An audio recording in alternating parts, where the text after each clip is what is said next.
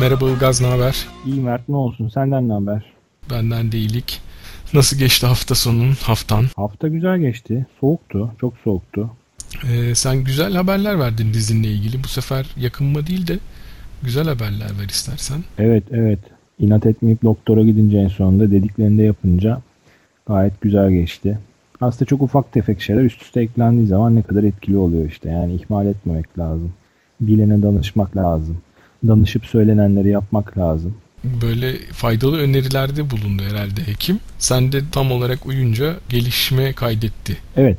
Aslında bence laf açılmışken çok kısaca hani yöntemlerden bahsedeyim. O da şunun için tabii her sakatlıkta illa bunları yapın çok iyi gelir anlamında değil de aslında ne kadar basit şeyler üst üste eklenince ne kadar kümülatif bir güçlü silah ortaya çıkıyor sakatlıklara karşı onu dile getirmek için. Çok basit şeyler söyledi. Şunları söyledi. Bir kere basışımı düzeltmek için gündelik e, ayakkabının içine koyabileceğim hafif tabanı yüksek destekli bir tabanlık yaptırttı. Ondan sonra buz işine daha önem vermemi söyledi. Sabah akşam buz kompresine devam dedi. E, çok basit 3 tane gayet ekonomik e, krem ilaç önerdi. İşte bir tanesi ödem giderici, bir tanesi daha tedavi edici gibi. Onları karıştırıp sürmemi önerdi. E, esnetme hareketlerini verdi. Bir de işte zorlamadan yavaş yavaş arttırman gerekiyor dedi. Bir de hafif eklemlere iyi gelebilecek günlük böyle bir destek kapı gibi bir şey önerdi. İlaç isimlerini özellikle söylemiyorum. Hani bunlar çok olaya özel isimler diye. Ama hani burada anlatmak istediğim sonuçta çok ufak tefek şeyler ama üst üste eklendiği zaman çok gözle görülür şekilde faydasını hissettirdi. Evet yani böyle e, ağrıyı hissedene kadar koşu gibi bir şeylerden söz etmiştin. Evet ağrı eşiğinden biraz bahsetti bana. Yani hani çok basit bir dalga grafiği olarak düşünürsen ağrı sonuçta yükselmeye başlıyor yavaş yavaş. Ağrı sınırı denen bir yer var. Yani o çizginin yukarısına geçtiği zaman o ağrı hissi acıya dönüşüyor ve sıkıntı vermeye başlıyor. Orada önemli olan şu o ağrı çizgisini sınıra yaklaştırdığında sınıra değdirmeden bir şekilde aşağı çekmeyi becermek. Çünkü dedi ki bu ağrı eşiğini geçirirsen eğer ondan sonra bunun toparlaması ve ağrıyı geçirmek çok daha zor olur. Dolayısıyla hani bu nedir? Yavaşlamak veya durmak ya da yürümek. Ee, ben de ne yapıyorum? Mesela hani bir saat koşup mola vermeye çalışmak yerine 30 dakikanın sonunda daha hiç arısızı başlamadan mola veriyorum. Hem daha kısa mola vermiş oluyorum hem daha kolay disk kendine gelmiş oluyor. Böylece e, e, totalde gidebildiğin mesafeyi koşabildiğin süreyi daha az sıkıntı çekerek hatta hiç acı çekmeden uzatmış oluyorsun. Tabi bu hani 10 kilometredir, 21 kilometredir, maratondur gibi daha süre ve durmadan koşmaya yönelik mantık olarak mesafelerde, yarışlarda ve bunların antrenmanında çok çalışacak bir sistem değil belki ama hani benim gibi böyle çok süre bitiriş süresi derecesi odaklı olmadan mesafeyi tamamlamaya yönelik koşmaya çalışan adamlar için e, mantıklı bir yol gibi gözüktü. Bakalım şimdi her şey yolunda evet güzel. Ayakların üstünde geçirdiğin hareketli süreyi uzatabilmenin yöntemi henüz evet. sakatlık tam geçmeden. Aynen aslında sakatlık yokken de uzatmanın yöntemi bu. Hmm, evet. Yani sakatlıktan olmasa yorgunluktan bu sefer ağrı eşiğine yaklaşmaya başlıyorsun. Aynı mantık yani hani çok böyle canınızı sıkıp ağrı yaratacak yere gelmeden durun yürüyün ki e, o işi daha ileri erteleyebilin diye söylenmiş bir öneri. Güzel. Güzel ipuçları. Sonuçları da güzel. Sevindirici. Evet evet nefis. Sen ne yaptın? Ben işte geçen hafta biraz bahsetmiştik konuya geçmeden önce. Ee, yarış önce stres konuşmuştuk hatırlarsan. Nedeni evet. de İrantalya'ya 3 hafta kalmasıydı. Ben de işte 3 hafta kaldı artık e, tapering evresindeyim. Tapering evresinde şöyle bir detay vardır. Daha önce de konuşmuştuk aslında bölümlerden birinde. İdealde maraton temposundan daha yavaş hiç antrenman yapmayın derler. Yani ben en azından böyle okudum. Benim de antrenmanlarım bu aralar öyle mesafe olarak biraz kısa ama tempo olarak yüksek. Interval veya tempo veya maraton temposunda koşular yapıyorum. Ee, özellikle hafta sonlarını hep maratonda koşacağım tempoda koşuyorum ki hem vücudum o tempoya alışsın hem de işte e, bir miktar dinlenerek hazırlığı devam ettirebileyim diye. Antalya'da senin hedef tempon ne? Ya şöyle benim hedefim 3.20'nin altında koşabilmek maratonu. 3.18'in altında olursa da mutluluk verici olacak. 3.15 olursa tam bayram zaten. 3.20, 3.18 galiba 4.41, 4.42 gibi şeylere denk geliyor. Yani 4 dakika 43 saniye kilometre başına. E, o seviyelerde koşmaya gayret edeceğim. Bakalım ben herhalde 21 koşacağım. Halim olursa gene seni karşılamaya gelirim. Bu sefer suyla gelirim ama. e valla yarım maratonda ihtiyacın olmuyor ama maratonda gerçekten ihtiyacın olabiliyor. Suya mı bana mı? Her ikisine de motivasyona. bu arada böyle Rantalya falan dedik. Bu bu bölümde konuşacağımız konulara geçmeden evvel şunu söyleyelim. Sen de ben de orada olacağız. Daily Mile'dan veya Daily Mile dışından koşu dünyasından tanıdığımız insanlar da, da görüşüyoruz. Onlar da orada olacaklar.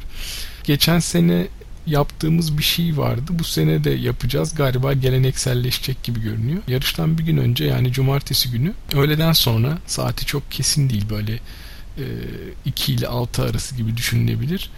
E, kale içinde bir Starbucks var. Orada olacağız. Böyle belli bir saat, belli bir randevu şeklinde değil de genelde insanlar böyle e, o saatlerde oralarda oluyorlar ve hani birbirleriyle konuşuyorlar e, bir şekilde yüz yüze tanışmamış olanlar yüz yüze tanışıyor. Tanışmış olanlar sohbet ediyor. Veya hiç tanışmamış olanlar orada tanışıyorlar. Yani bizi dinleyenlerden yarışa gelecek olanlar varsa cumartesi günü o saatlerde yolları oraya düşerse e, biz de orada olmaya çalışacağız diyelim. Belki orada görüşürüz. Evet.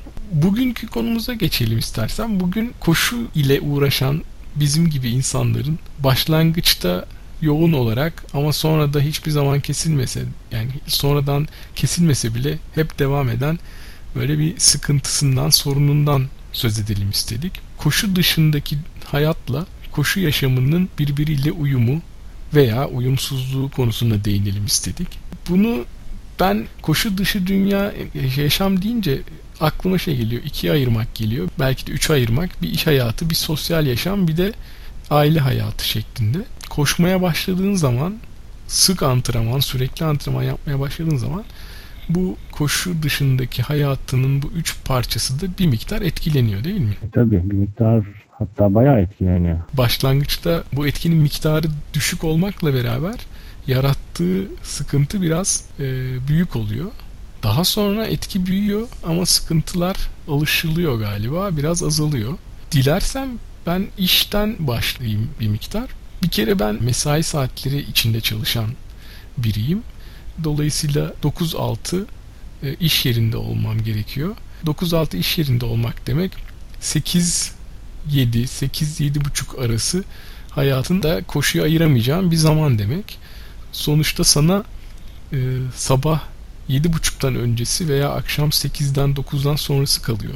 Bu da gerçekten işi biraz zorlaştırıyor. Yani eğer erken kalkamayan bir insansan sabahı unut zaten. Akşam da genelde şöyle oluyor. İşten eve döndüğünde yorgun olabiliyorsun. Aç oluyorsun. Öğleden bir yemek yememiş oluyorsun. Tam o saati ayarlamak biraz sıkıntı oluyor. Yemek yedikten sonra hemen çıkamayacağın için daha geç saatlere kalman gerekiyor. E çok geç koştuğun zaman bu sefer uyuyamıyorsun gibi böyle çelişkili durumlar yani böyle birbiriyle e, sürekli çatışan durumlar ortaya çıkıyor. Ben hepsini denedim bu anlattıklarımın. Akşam gelir gelmez yemeğe oturmadan çıkayım koşayım e, yöntemini denedim. E, bir miktar yürür gibi oldu. Sonra çok böyle ağır antrenman yapacağımda açlık hissetmeye başladım. Bu sefer yemek yiyip bekledikten sonra çıkmayı denedim. Bu da saat 10.30-11 gibi oluyor. Eğer soğuk bir yerde yaşıyorsan e, kötü oluyor hava hem de akşamları biraz böyle hava kirliliği artıyor şehirlerde. En nihayetinde e, sabahı denedim ve son bir yıldır sabahta e, karar kıldım. Her gün işe gitmeden 2 saat kadar önce uyanıp her gün demeyeyim e, kışın bunu böyle haftada 4 güne 5 güne indiriyorum ama yazın yine sıklaşıyor. E, işe git işe gitmek için evden çıkacağım saatten 2 saat önce uyanıp antrenmanım yapıp gelip duş, banyo, kahvaltı vesaire e, tabii bu şey gerektiriyor.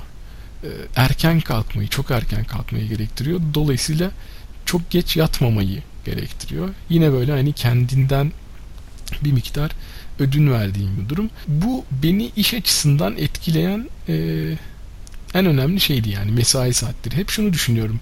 Hafta sonları böyle kahvaltı ediyorum. Birkaç saat sonra çıkıyorum koşmaya. Veya öğle yemeğinden 3-4 saat sonra çıkıyorum. Tam böyle e, hava çok güzel. E, yemek, tokluk durumu, açlık durumu çok ideal. Hep şey düşünüyorum böyle mesai saatleriyle çalışmıyor olsam çok daha efektif antrenman yapardım. Çok daha motive diye düşünüyorum.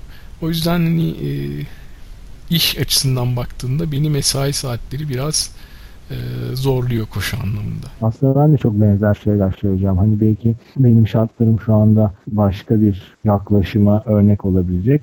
Çünkü ben sonuçta ufak bir e, kendi şirketim var. E, ufak bir e, kuruluşuz. Bir ortağımla yürütüyoruz. Hani öyle bir avantajım var Allah'a şükür. Sonuçta süre ve sorumlulukları paylaştığım bir insan var. O tabii bana çok büyük avantajlar sağlıyor. Ama onun dışında ben de tabii şey gibi bir izlenim çizmek istemem. Hani sabahı akşamı belli değil istediği saatte gidip istediği saatte çıkan bir çerçeve çizmek istemem. Bilakis ben de çok dikkat etmeye çalışıyorum her ne kadar hani kendi işim olsa da hem işe saygıdan hem iş yerindeki saygı, iş yerindekilere saygıdan.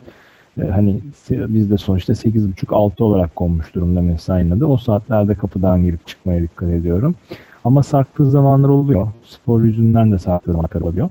Ama tabii hani kendi işinin olmasının getirdiği bir takım öyle avantajlar var. Mesela en basitinden ben bunu şeylerde görüyorum.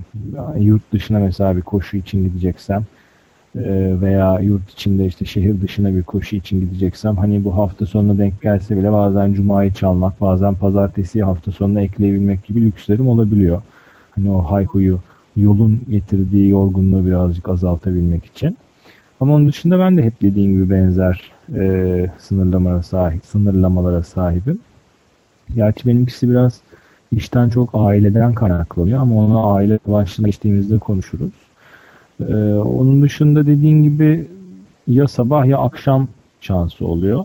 Aslında ben de hep anlattıkların yüzünden akşamdan vazgeçmek zorunda kaldım. Çünkü benim en büyük sıkıntım akşam eve gelip yemek yiyip e, yani hani çocuklara vakit ayırmak gerek, gereken vakti ayırdıktan sonra ancak onlar yattıktan sonra böyle bir şey yapmaya şansım olabiliyor.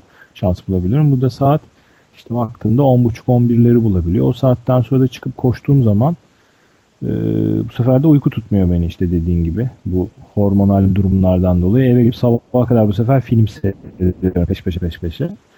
E, bütün düzenim alt üst oluyor. Ben de o yüzden her ne kadar gece oturmayı, gece bir şeyler yapmayı, konuşmayı, okumayı, seyretmeyi seven bir adam olsam da sabaha kaydırdım bütün aktiviteleri. Gerçi ondan sonra fark ettim ki e, erken kalkmak ve erken güne başlamak aslında çok enerji veren bir şey. Çok insanı kendini zinde hissettiren bir şey. Tabii yeteri kadar dinlenip bunun altını doldurabiliyorsan. Çünkü mesela ben kendi adıma konuşayım. Şey çok büyük bir zevk. Böyle sabah köründe kalkmışsın, çıkmışsın, saatlerce koşmuşsun, eve gelmişsin, duş yapmışsın, çıkıyorsun, roket gibi işe gidiyorsun. Millet böyle ağzında sigara veya servisinde ona kafayı koymuş böyle salyası akıp uyurken sen böyle 3 saat önce hayata başlamışsın. Hani böyle kendimi onlardan 3 saat, 3,5-4 saat önde hissediyorum bazen. O çok büyük bir şey sağlıyor. Motivasyon ve hmm, hayat enerjisi sağlıyor bana o gün. Hani yorgun başlıyorsun iki güne ama zinde bir yorgunlukla başlıyorsun. Evet aslında şey ben de o senin dediğin şeyi yaşıyorum bazen böyle pazar günü uzun koşumu yapıp e, iki buçuk saatlik bir koşu yapıp geri gelip e, sekiz buçuk gibi dokuz gibi kahvaltıya oturduğumda herkes için e, o gün daha yeni başlıyorken ben epey bir şeyi aradan çıkartmış olmanın verdiği motivasyonla dolu oluyorum. Ama sen de söyledin bunu yapabilmek için de bir önceki günün akşamından bir miktar ödün vermek gerekiyor. Çünkü iyi uyumak gerekiyor. Evet. Bir de biz hep şey hani kendi örneklerimizden konuşuyoruz ama mesela benim işim masa başında yapılan bir iş. Oturuyorum ve bilgisayarın başında sabahtan akşama kadar tabii yani ufak tefek toplantılarım vesaire oluyor ama genelde masa başında çalışan bir insanım. Sen de aşağı yukarı öyle sayılırsın. Ee, bir de böyle hani nasıl diyelim vücuduyla iş yapan hani bir şekilde yorgun olmaması gereken yani bedenen yorgun olmaması gereken bir durumda çalışan insanlar da var. Yani şöyle söyleyeyim ben mesela sabah antrenmanı yaptıktan sonra gidip e, masaya oturup bilgisayarın başında çalışmaya başlıyorum. Dolayısıyla hani o, o yorgunluğu tolere edebiliyorum. Bir de ayakta çalışmak zorunda olan veya benzer işler yapan insanlar varsa onları tabii ayrıca düşünmek, ayrıca değerlendirmek lazım. Tabii çok daha zor olacak kesin. Ben mesela bir dönem şey yaptım işte kendi işimin olmasının avantajı havaya girdim. Dedim ki benim dinlenmem lazım. Vücuduma daha iyi bakmam lazım. Hemen gittim Ikea'dan böyle arkaya doğru yattığımda ayakları da öne açılan televizyon karşısında uyuklama koltuğu aldım koydum bir tane iş yerine. dedim ki ben öyle 12 ile biraz kapayacağım. Kapıyı telefonla kapayacağım. Uyuyacağım. Ne yapayım? Sonradan söyleyip masada falan dedim. Ee, daha uyumayı bırak ben koltuğa 5 kere fazla oturmamışımdır herhalde. Aldın ama değerlendiremedin yani. Evet evet ama bakmak dinlendirici oluyor ya. Böyle bakıyorum bazen çalışırken bayağı bir dinleniyorum yani. İstesem kalkıp yatarım şuraya deyip. Ya, evet. Ya iş tarafı böyle. Tabii biz dediğim gibi bizim gibi masa başında çalışanlar için konuşuyoruz. O diğer e, kısımları çok yaşamadığım için bilmiyorum. Onun da ayrıca böyle e, alması gereken önlemler olacaktır o insanların da. Belki akşama kaydırmak olabilir ki o zaman da yorgun olacaklardır. Biraz ve hızlı toparlanmaya alışmak, hızlı recovery'ye alışmak gibi çözümler olabilir. İş yaşamıyla ilgili konuşurken e, hep şöyle yani işten arta kalan zamanın bir miktarını koşuyla değerlendireceğiz diye konuşuyorduk. Sen de ben de konuşurken aslında hep konu şeye gelip dayanıyor. Sonuçta işten arta kalan zamanı da e, sosyal hayatına veya aile yaşantına ayırman gerekiyor ya da ayırmak istiyorsun diyelim. Ama koşuyu orada yapman gerekiyor. Dolayısıyla çaldığın zaman da bu sefer oranın zamanı oluyor. Şimdi de istersen aile kısmına bakalım meselenin. Evet. E, demin dediğim gibi aslında benim daha çok spor olarak çaldığım zaman e, aileme ayırdığım zamandan e, çaldığım zaman diye düşünüyorum. Bunun için sabaha kaydırdım. Çünkü gördüm ki bir şekilde akşam veya hafta sonu sporla ilgili bir şeyler yapmaya çalışırsam işte kalktısı, giyindisi, evden çıktın, yola gittin, ne bileyim ormana gittin, geri geldin, tekrar e, duşu derken e, epi saatler harcanmaya başlıyor. Ve zaten cumartesi pazar kısıtlı bir süre varken e, bir anda bunun neredeyse üçte birini, dörtte birini yemeye başlıyorsun. E, ben de çok basit bir formül koydum kendime. Dedim ki evde hayat başladığı zaman benim spor hayatım bitmiş olacak. Ona göre düzen kuracağım. Yani gene tabii arada istisnalar oluyor ama e, ne oluyor? Sabah hakikaten erkenden kalkıyorum. Yani hani mesela 5 bazen 4.45 gibi saatlerde kalkıyorum. Yani bu benim için erken belki daha erken uyanan bazı arkadaşlar için çok garip gelmeyecektir ama hani benim normal standartlarına göre erken saatler bunlar. E, o saatte kalkıp çıkıyorum. Hatta gene vakitten kazanmak için bazen bir gece önceden eşyalarımı hazırlayıp e, her şeyi diziyorum ki bir an önce uyanıp uyandıktan sonra evde çok vakit harcamadan hemen çıkabileyim diye. Yani her ne kadar 15 dakikayı geçemesem de 15 e, dakikanın altına düşemesem de hala hızlı bir şekilde çıkmaya çalışıyorum. Ee, mesela ormana gidip koşmayı çok seven birisi olsam da benim evimden çıkıp arabayla ormana ulaşmam hiç yoksa boş saatte yani sabahın köründe boş trafikte bile gene nereden baksan yarım saat. Ee, hani dönmesi de trafikte iş saatine denk geldiği için aşağı yukarı 45 dakika bir saatleri buluyor. Mesela orman sevdamdan bu yüzden biraz vazgeçmek zorunda kaldım hafta arası. Çünkü şunun hesabını yapmaya başlıyorsun bir süre sonra ya işte bir buçuk saat ben yola harcayacağım, bir saat yola harcayacağım ben o kadar süreyi koşarak geçiririm. İşte bu benim için 10 kilometre, 15 kilometre fazla demek. Haftada düşünsene 3 kere bunu yapıyorsan yani 30-40 kilometre süresi cepte demek. Onların hesabını yapmaya başladım. Hani direkt evden çıkıp eve dönecek gibi koşu rotaları ve antrenmanlar programlamaya başladım. Ee, hafta sonunda gene pazarın mesela adını hiçbir şekilde yarışlar, koşu organizasyonları hariç e, bir şey yapmamak, evde oturmak, evdekilerle beraber olmak üzere adını koydum. E, cumartesi de yine erken çıkıp hadi en geç 8'de 9'da evde olacakmış gibi program yapmak üzerine kurdum sistemi. Çünkü cumartesileri genelde hani uzun antrenmanları yani böyle 4-5 saat evden uzak kalacak işleri cumartesileri yapıyorum genelde. Gibi yani böyle bir plan kurdum. Bir tek bu hmm, bir program paralelinde ultramaratona hazırlandığım bir dönem olmuştu. Orada da ultramaraton programı gereği peş peşe uzun koşular yapmak gerekiyordu. Cumartesi pazar normalde yapılıyor bu antrenmanlar peş peşe ama hani ben bu demin söylediğim pazara bir şey bulaştırmama kuralından dolayı cuma cumartesiye çektim onu. Ee, işte yine kendi işimin olmasının avantajlarından biri belki. Hani dedim ki o zaman iş yerine böyle böyle bir sıra dışı durum var. Ben şu tarihte yarışa gideceğim. Onun için şöyle bir program yapıyorum. Bunun da atıyorum son 4 haftası ben cumaları onda geleceğim işe. Beni mazur görün dedim. Çünkü cuma ve cumartesi sabahları uzun koşu yapabiliyordum peş peşe.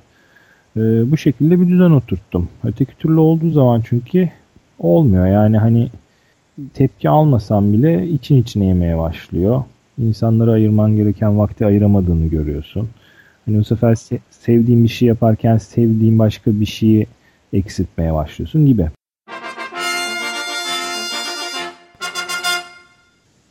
Benim bu hafta vereceğim küçük ipucu şu. Buz tedavisi uygulamak için sakatlanmayı, bir ağrıyı, bir sızıyı beklemenize gerek yok.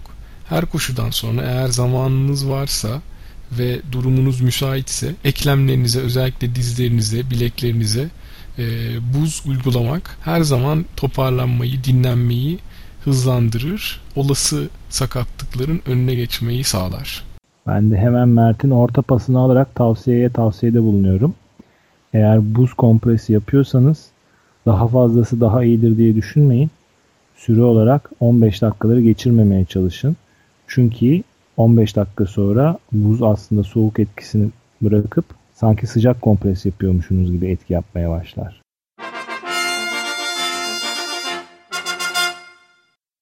Aile ile sosyal yaşamla ilgili tarafı gelince insanın aklına şu geliyor. Bazı ailelerde yani bu evi birlikte paylaştığın, yaşamı birlikte paylaştığın herhangi birisi olabilir. E, eşin olabilir, veya anne babanla yaşıyorsan anne baban olabilir. Sonuçta o eve ayırdığın zaman hem onlarla birlikte geçirilecek zaman hem de evdeki sorumlulukların anlamında bir miktar oradan çalmaya başlayınca belki bazı e, ailelerde bazı kişilerde bu tepkiye bile neden oluyor olabilir. Yani e, insanlar bu konuda sıkıntı dile getiriyor olabilirler. Neyse ki ben böyle bir şey yaşamadım. Anladığım kadarıyla sen de çok yaşamamışsın. Yani benim eşim aksine destekliyor e, bu işi yapmamı. Ama hani sen de dedin ya tepki almasan bile sen kendin hissediyorsun yani bir şekilde ayrıca e, yani hem karşının beklentileri hem evdeki ahalinin beklentileri hem de senin onlarla birlikte olmak için bazı beklentilerin ihtiyaçların var. Dolayısıyla ben de senin gibi e, şöyle bir çözüm buldum. Sabahları eşim uyanmadan antrenmanları aradan çıkarmaya çalışıyorum. Ama ne yazık ki bunu hafta sonları yapamıyorum. Yani en azından kışın yapamıyorum. O zaman da şöyle oluyor. Pazar günü mesela e, kahvaltıdan sonra birkaç saat sonra çıkıp uzun koşunu yaptın diyelim. E, yorucu bir koşu yapıyorsun. Geliyorsun işte banyosuydu, yemeğiydi derken biraz zaman daha geçiyor. Sonra onun yorgunluğunu atmak için dinlenmek istiyorsun, uzanmak, oturmak istiyorsun. Yani yine pazar günü o uzun koşunun olduğu gün çok fazla bir şey yapılamıyor gibi geliyor bana. Hele de böyle şimdi tepkisiz e, durumdan söz ettik. Bir de tepki alıyorsan e, bu ciddi bir sıkıntıya neden olabilir. Ben hani çok detayını bilmiyorum e, bu konunun ama e, duyduğum insanlar var. Böyle şeyler yaşayan insanlar veya Türkiye'den insanlar var. E, bir de hani Daily Mail veya başka sitelerden takip ediyoruz. Bloglarını okuduğumuz koşucular var. E, veya öyküler, kitaplar okuyoruz. Oralarda bu tip örnekler var. İnsanların eşleri veya birlikte evi paylaştıkları başka insanlar bu konularda sinirlenebiliyorlar. Tabii canım bir ara spor yüzünden eşinden boşanan triatletlerle ilgili istatistikler evet falan ya. vardı. Hani özellikle triatlet diye diyorum. Hani çünkü triatlonla uğraşanlar bizim gibi koşuculara göre çok daha komplike ve daha planlı programlı ve yoğun antrenmanlar yapıyorlar diye. Evet onların daha çok sayıda antrenmanları oluyor tabii. Bir de hani bu işi okuyanlar açısından komikmiş gibi ele, ele alan hikayeler de okudum ama aslında biraz üzücü hikayeler bir yandan da. Tabii canım yani hani hayatına bir öncelik vermişken başka bir öncelik yüzünden bir anda bütün düzeni alt üst ediyorsun. Evet bir de bu işin başka bir tarafı var. Ee, aynı evi paylaştığın, aynı hayatı paylaştığın insanlardan söz ettik ama bir de e, yakın aile çevresinde aynı evi paylaşmıyor olsan da belli böyle sorumlulukların vesaire durumları var. Ben mesela başlangıçta bu, bu şeyi yaşadım. Mesela insanlar belli bir saatte seni bir yere davet ediyorlar. E, o saatte koşu antrenmanım var dediğinde öncelik yani başlangıçta çok garip tepkiler aldığımı hatırlıyorum. E canım bugün ne koşmayı ver filan gibi. evet. ama ama şunu biliyorsun yani sen de koşma meselesi, antrenman yapma, yarışlara hazırlanma, belli hedeflere ulaşma meselesi disiplini ve iradeyi gerektiriyor. Yani işte bugün hava soğuktu çıkmadım. İşte dün yağmurluydu. Ondan önceki gün annemler yemeğe çağırdı filan olursa bu iş gitmez. Dolayısıyla bunu şeyde buldum ben. Ee, yakın çevreme kendi antrenman programımı e, bir şekilde öğrettim diyeyim. Hani öğrettim derken hani ders gibi değil de hani bunun böyle ya bu saatte ben bunu yapıyorum. Çünkü aslında bu benim hayatımın diğer şeyleri gibi, meseleleri gibi bunun da belli bir saati, belli bir zamanı var. Yani nasıl sabah işe gidiyorum, öğlen yemeğe gidiyorum, akşam şunu yapıyorum. Sabah çok erken saatte koşuyorum ya da cumartesi şu saatte koşuyor oluyorum. Pazar uzun koşumu yapıyorum. Bunu insanlar biliyor artık ona göre davranıyorlar. Aslında başta onlar da garipsiyorlar ama sonra bir süre sonra eğer disiplinli bir şekilde devam edersen bu işe birkaç ay sonra belki de hatta bir yıl sonra artık herkes biliyor. Yani mesela annem artık şöyle yapıyor. Seni şu saatte aramadım biliyorum koşuyor oluyorsun. Bekledim şu saatte aradım hani gelsin duşunu alsın yemeğini yesin ondan sonra arayayım dedim diye düşünmeye başladığını söylüyor bana. Bu da aslında şey nasıl koşuda başarıyı disiplinle sağlıyorsun? Bu da başka bir başarı. Disiplinle çevrendeki insanların e, bunun senin hayatının bir parçası olduğunu kabullenmelerini sağlıyorsun. Evet yani hani çoğu zaman çok çok yakın çevre haricindeki çevre de zaten aslında bunu senin söylediğin bu istikrar sayesinde kabulleniyor. Yani ben çoğu kimsenin içeriğini anlayarak, görerek ve onaylayarak kabullendiğine inanmıyorum çevremdeki.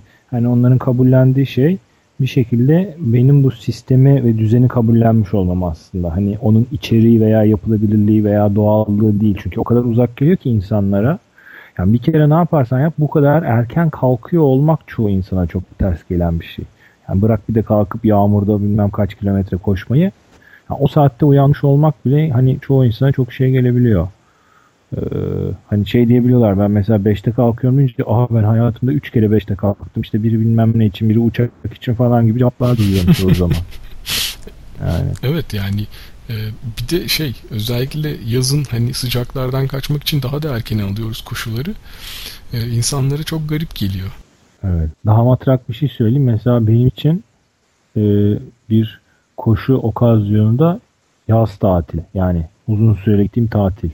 Hani millet ne yapar gider tatilde yatacağım, şu kadar uyuyacağım, şunu yiyeceğim, şu kitabı okuyacağım diye program yapar.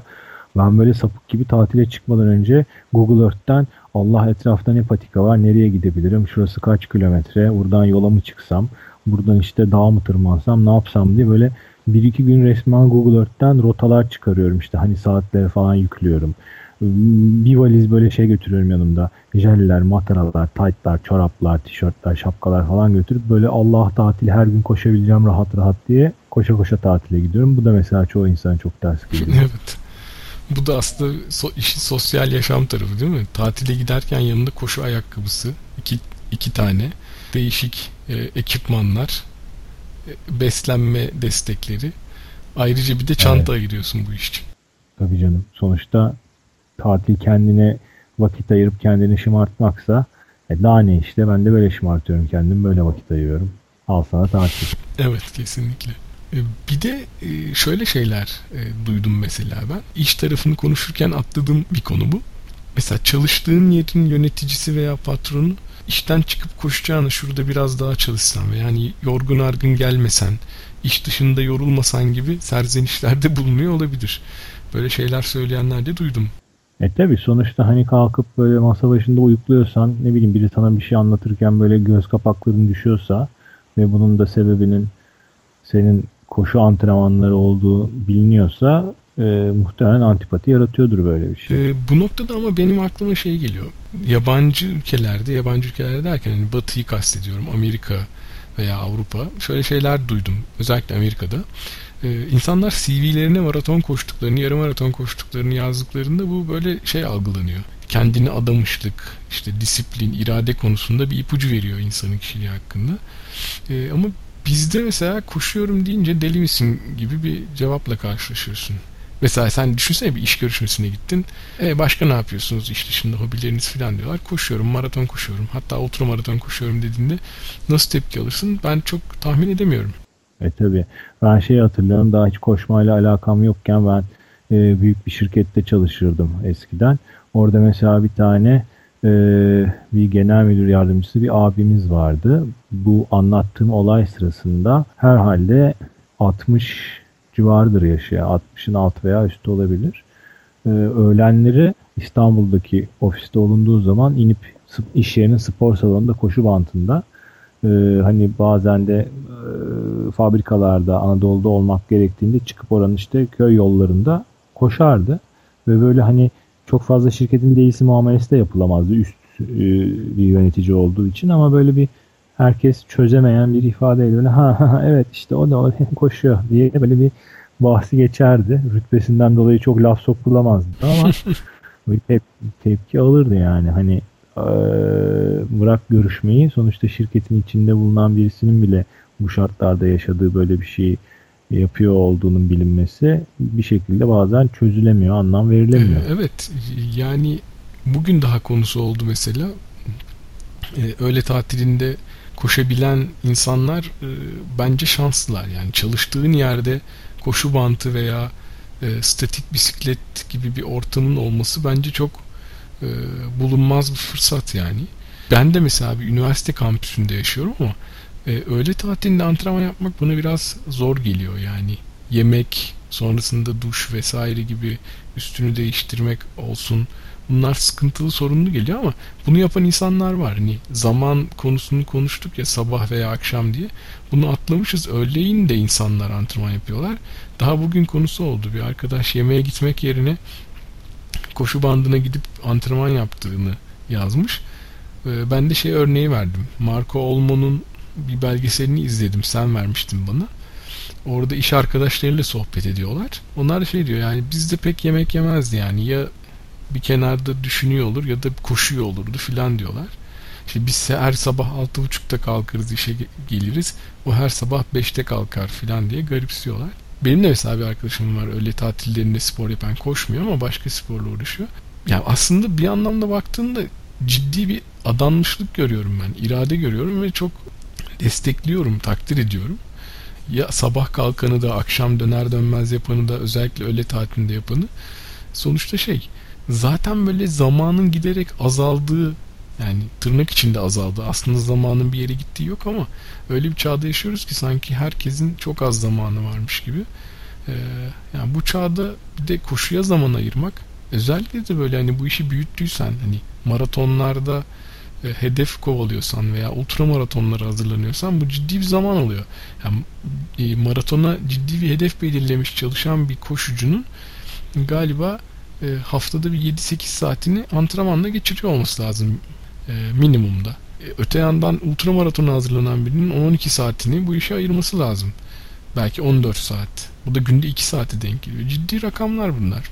E benim işte maraton hevesimi kıran en büyük şeylerden biri zaten bu sistematik yaşama sıkıntısı. Böyle bir takım dönemler. Yani ben bir takım başka sebeplerden dolayı da hani e, sırt çeviriyorum şu anda programlı yaşayıp böyle hedefli yarışa hazırlanmaya ama en büyük şeyle etkenlerden birisi buydu.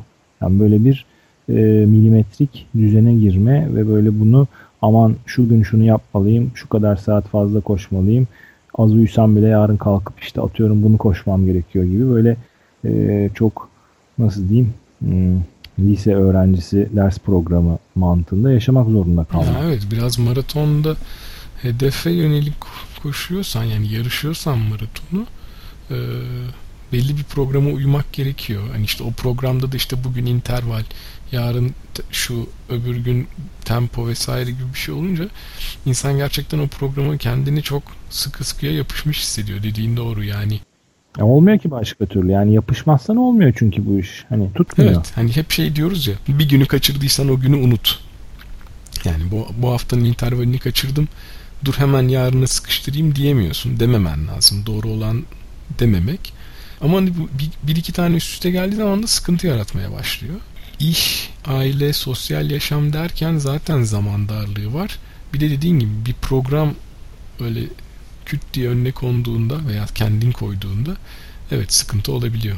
Ama mesela sosyal yaşam demişken aslında benim çok hoşuma giden bir detay daha var şu koşu ya harcanan saatlerle ilgili. Ee, değişik bir tür olsa da aslında bu da bir sosyal yaşam olabiliyor. Yani kalkıp tek başına koşmuyorsan, bir şekilde arkadaşlıklar kuruyorsan e, çok enteresan ilişkilere temel atabiliyorsun. İlişkilerin temelini atabiliyorsun.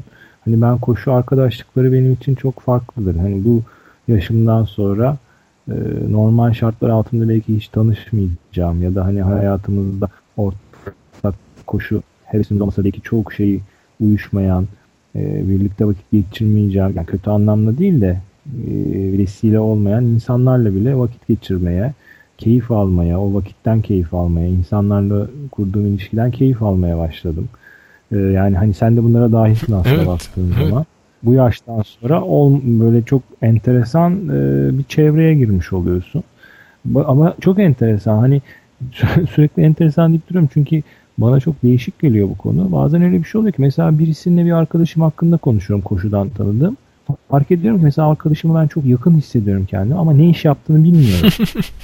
evet. E çünkü konuşulmamış. Yani hani bir de öyle bir aslında kaçış da var ki belki o işten sıkıntıdan bir şeyden.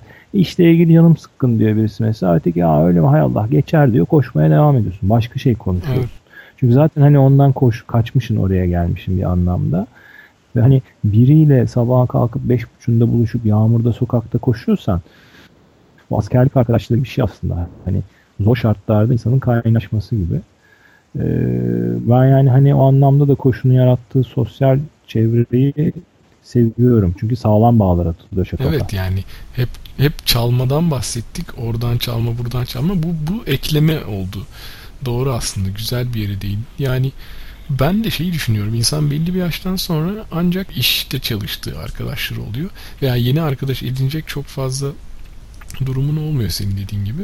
Ben de kuşu vasıtasıyla çok fazla insanla tanıştım. Bu sosyal yaşantıda ek bir güzellik oldu benim açımdan da. Ya bu şey gibi aslında bir hobiyle uğraştığın zaman muhakkak aynı dili konuştuğun, aynı şeylerle heyecanlandığın bir kitleyle bir araya gelebiliyorsun. Kuşu da bunlardan biri hep şey düşünüyorum. Koşarken mesela o kadar aslında konsantre bir vakit geçiriyorsun ki hani bu kaliteli zaman geçirme diyorlar ya son zamanlarda. Ee, tam anlamıyla öyle kaliteli bir zaman geçiriyorsun. Çünkü hani düşünsene bir arkadaşınla buluştuğun zaman iki saat bir arkadaşınla buluştuğunu düşün. Eğer böyle yıllardan beri görmediğin çok konu birikmiş biri değilse iki saatin içinde kaç dakikayı sence hani kayda değer bir şekilde arkadaşlık anlamında geçiriyorsundur?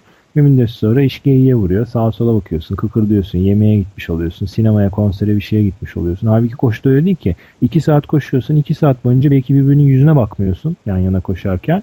Ama çok konsantre bir şekilde e, bir iletişim içinde oluyorsun o anda. Hatta bana öyle geliyor ki o an bir şey konuşmasan bile duygusal olarak çok ciddi olarak o sıkıntıyı paylaşmadan dolayı e, gene sağlam bir bağ oluşuyor insanların arasında. Evet. Güzel. Sonunda pozitif bir şeyden e, bahsederek bitirmiş olduk konuyu. Senin ekleyecek bir şeyin yoksa bugünkü bölümü de burada kapatabiliriz. Kapatalım kapatalım erken kalkıp koşacağız. Herkese iyi antrenmanlar o zaman. Hadi bakalım uykuları iyi antrenmanlar.